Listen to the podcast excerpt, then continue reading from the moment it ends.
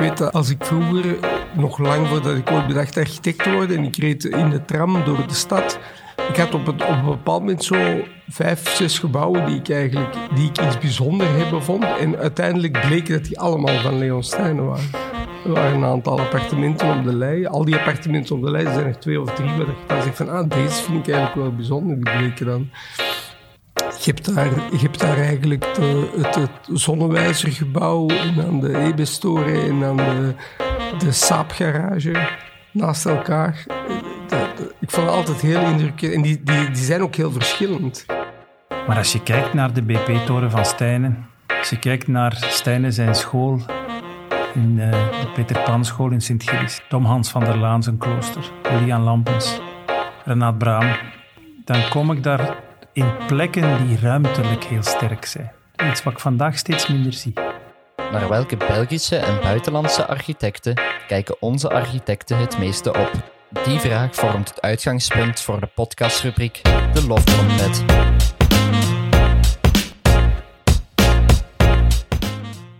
De eerste twee architecten die in deze nieuwe podcastrubriek van architectura.be de spits mogen afbijten, zijn niemand minder dan Erik Wiers en Leo van Broek, de huidige en de vorige Vlaamse bouwmeester. Het kan toch onmogelijk toeval zijn dat ze beide Leon Stijnen naar voren schuiven als een belangrijke inspiratiebron. Maar voor we Erik en Leo laten uitleggen wat Leon Stijnen zo bijzonder maakt, eerst nog een woord van dank voor onze vier structurele podcastpartners. Cubus, partner en BIM voor Archicad, Solibri en BIMCollab. Assiver, verzekeringsmakelaar gespecialiseerd in polissen voor architecten en ingenieurs. Wienerberger, meer dan 200 jaar ervaring in baksteen, kleiklinkers en keramische dakpannen. En tenslotte All Colors of Communication, strategische communicatiepartner voor de bouwsector.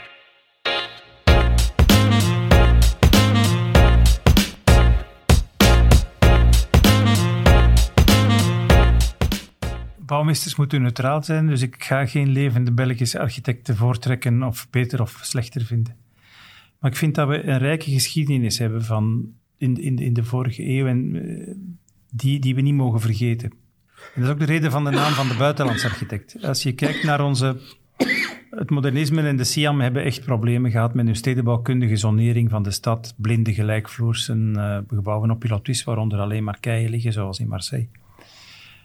Maar als je kijkt naar de BP-toren van Stijnen, als je kijkt naar Stijnen zijn school in uh, de Peter Pan School in Sint-Gilles, Tom Hans van der Laan zijn klooster, Julian Lampens, Renaat Braam, dan kom ik daar in plekken die ruimtelijk heel sterk zijn. Iets wat ik vandaag steeds minder zie.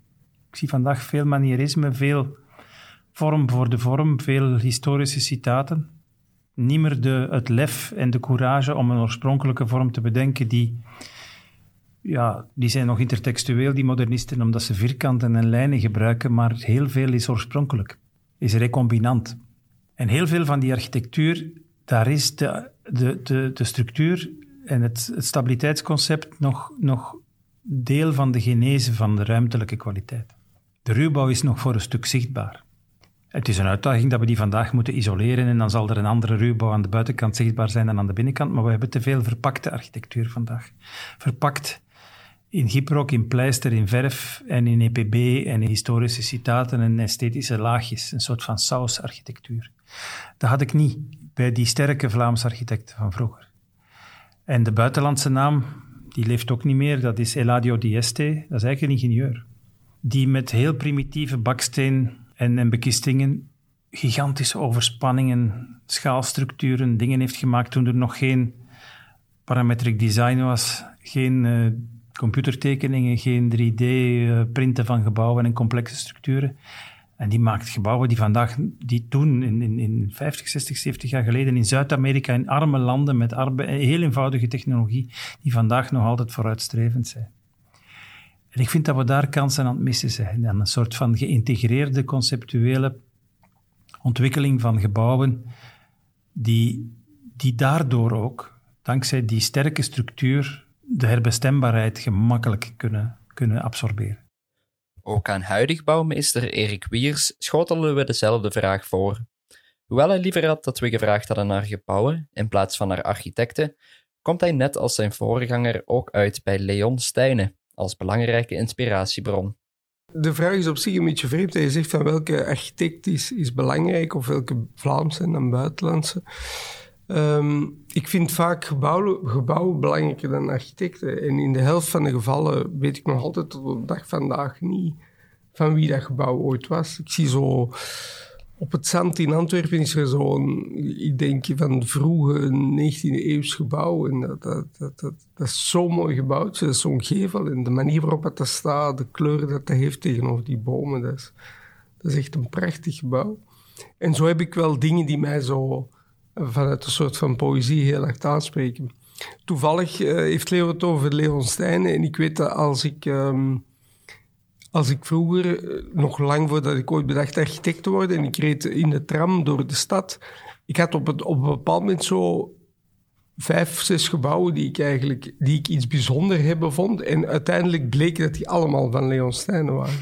Er waren een aantal appartementen op de lei. Al die appartementen op de lei zijn er twee of drie waar je van zegt van ah, deze vind ik eigenlijk wel bijzonder. Die bleken dan je hebt daar, je hebt daar eigenlijk de, het, Zonnewijzergebouw en dan de Ebestoren en dan de, de Saapgarage naast elkaar.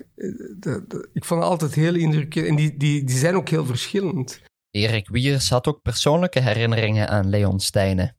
Samen met enkele andere rebelse studenten mocht hij in de jaren 80 op de koffie bij de toen 90-jarige Leon Stijnen.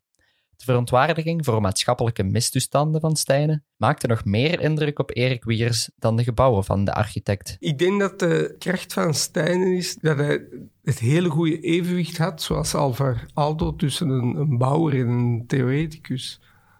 Stijnen is echt een bouwende modernist, iemand die echt zo die aspecten van dat bouwen kan combineren op die visie en die maatschappelijke vooruitgang. Ik weet ook, het was heel indrukwekkend als ik in mijn vierde jaar architectuur zat, deden wij een studie over het, uh, het BP-gebouw van Leon Stijn. En die leefde toen nog. En wij gingen die met z'n vier interviewen. En um, ik weet nog dat we met de auto, want toen deden we dat nog met de auto, daar naartoe reden. En, en um, dat we onderweg een gesprek hadden over het feit, de avond ervoor was er een soort van rel moet ergens uh, vroege jaren tachtig geweest denk ik. Een soort van rellen op televisie. En wij waren ons aan het beklagen over hoe dat die politie weer schandalig op die betogers had ingehakt. Want ja, wij als jonge rebelse snaak stonden natuurlijk aan de kant van... De... En we komen daarna bij Leon Stijnen, die diep in de negentig was. En wij kregen koffie en werden rond zijn salontafel. En voordat wij over dat gebouw begonnen te praten, zei hij... Ja, hebben jullie gisteren het nieuws gezien? Sprak zo heel geaffecteerd. En die begon dan uit te drukken over hoe schandalig dat toch was dat die politie op die jongens en die jongens die willen toch gewoon maar. Het was ongelooflijk hoe dat die net hetzelfde gevoel als wij, die, die 70 jaar jonger waren.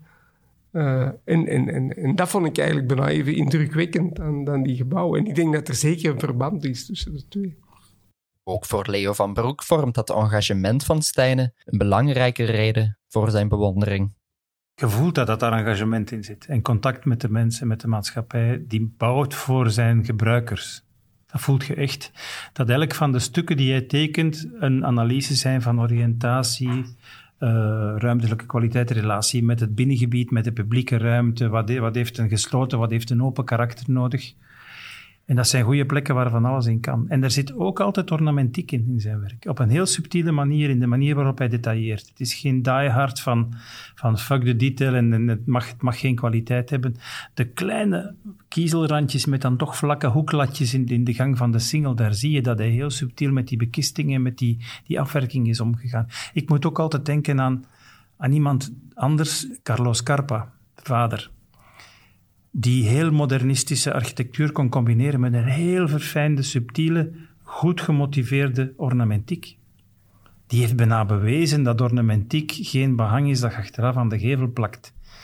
Dat dat geen... Eh, wat, wat je vaak ziet in het klassicisme of in de 19e eeuwse architectuur. Daarom vind ik Palladio soms op het randje van saai, omdat het echt, echt een, een, een, een gewone rechthoekige kamer is en dan wordt dat volge, gesmeten met wel mooi geproportioneerde dingen. Maar dat is te veel slagroom voor mij. En ik vind dat Stijn en het, op, omgekeerde doet, die bouwt echt voor de plek, voor de, die gaat geen symmetrie maken. Als je links niks ziet en rechts een prachtige bezonning op een groene vallei, op een uitzicht of op een stadslandschap. Dus die maakt dingen die ertoe doen voor de mensen. Architectuur die ertoe doet en architectuur die zich vanuit die optiek kan relativeren. Voor Leo van Broek is dat de essentie van kwalitatieve architectuur. En dat is niet toevallig ook wat hij zo bewondert in het werk en de aanpak van Leon Stijnen. En ik ga ook mee wat Erik zegt over die ironie, dat, dat architectuur pas eh, relevant wordt als het niet over architectuur gaat. Ik denk dat dan gaat het fout. Dan begin je echt, uh, ik noem dat te skydiven in je eigen navel als discipline. En dan is alles citaat van en commentaar op. En dan maak je een soort van uh, doctoraatsontwerp dat negen quotes van negen citaten van architecturale gestes van 89 voorgangers combineert in een nieuw soort van amalgaam dat je alleen maar kunt uitleggen op een tentoonstelling waar geen kat naar kan komen luisteren omdat het niet meer te verstaan is. Dus ik denk dat architectuur er moet toe doen en dat ze daarvoor zichzelf moet kunnen relativeren, dat ze vooral werkt voor de maatschappij en voor de mensen. Dat betekent niet dat ze banaal moet worden, vandaar die voorbeelden. Ik denk dat, dat goede architectuur niet in, in één ideologie zit, of in één aanpak, of in één stijl, maar in een combinatie van durven toegeven dat je op zoek bent, durven toegeven dat het je plicht is om vragen te blijven stellen, ook bij je eigen werk. En om dus te weten dat het nooit af is. Tot zover de lofzang over Leon Stijnen. We vroegen de twee bouwmeesters ook naar een buitenlandse architect waar ze sterk naar opkijken. Leo heeft eerder in dit gesprek al de loftrompet gestoken over Carlos Scarpa, en Dom Hans van der Laan. Erik Wiers zoekt het antwoord op deze vraag in Slovenië, meer bepaald bij Jose Plečnik, die in de eerste helft van de 20e eeuw zijn stempel gedrukt heeft op het uitzicht van zijn geboortestad Ljubljana. Ik ben een grote fan van Plečnik, Sloveens architect uit het uh, begin van vorige eeuw en een stuk van de eeuw eerder voor, die eigenlijk zo bij de Wiener Secession eerst behoorde, nog in Wenen heeft gewerkt, dan in Praag en dan uiteindelijk een architectuurschool heeft opgericht in Ljubljana. Ik ben al een paar keer al die projecten ook heeft veel kerken gemaakt, ook rond en buiten Ljubljana. heeft een fantastische begraafplaats gemaakt vlak buiten. En wat mij daar zo aan intrigeert, is dat elk gebouw is compleet anders. Ik zie hem als een soort van postmodernist toen dat nog niet bestond. Hij wou zo op een soort van rare manier de 19e eeuw redden, terwijl de 20e eeuw begon. Er gaat zo'n verhaal dat studenten van hem een boek van Gropius op zijn lessenaar hadden gelegd en dat hij dat zo heel de, tijdens heel de les gewoon had laten liggen en niks over gezegd. En op het einde van de les gezegd heeft, uh, er zijn dingen over architectuur die Gropius niet begrijpt. En er zijn ook dingen over architectuur die, die ik niet begrijp. Dus um, op het einde van zijn leven ging hij zelfs naar verluid zo opwerven overschotten van, van kolommen of, of, of 19e-eeuwse relicten redden van de verschrikkelijk modernistische ondergang.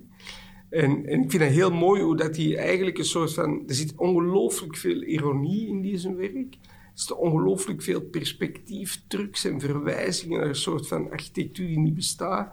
Hij verwijst soms naar een soort van Etruskische architectuur. En dat volgens hem de Slovenen van de Etrusken afstammen, waar geen enkel wetenschappelijk bewijs voor is. Maar vaak is het ook heel, heel geëngageerd en heel, heel betrokken op wat de dingen doen. Dus ik, ik vind dat heel interessant. Met deze mooie woorden over José Plechnik sluiten we deze podcast af. Mijn naam is Stef Pennemans. Ik stond in voor de voice-over en de montage van deze podcast.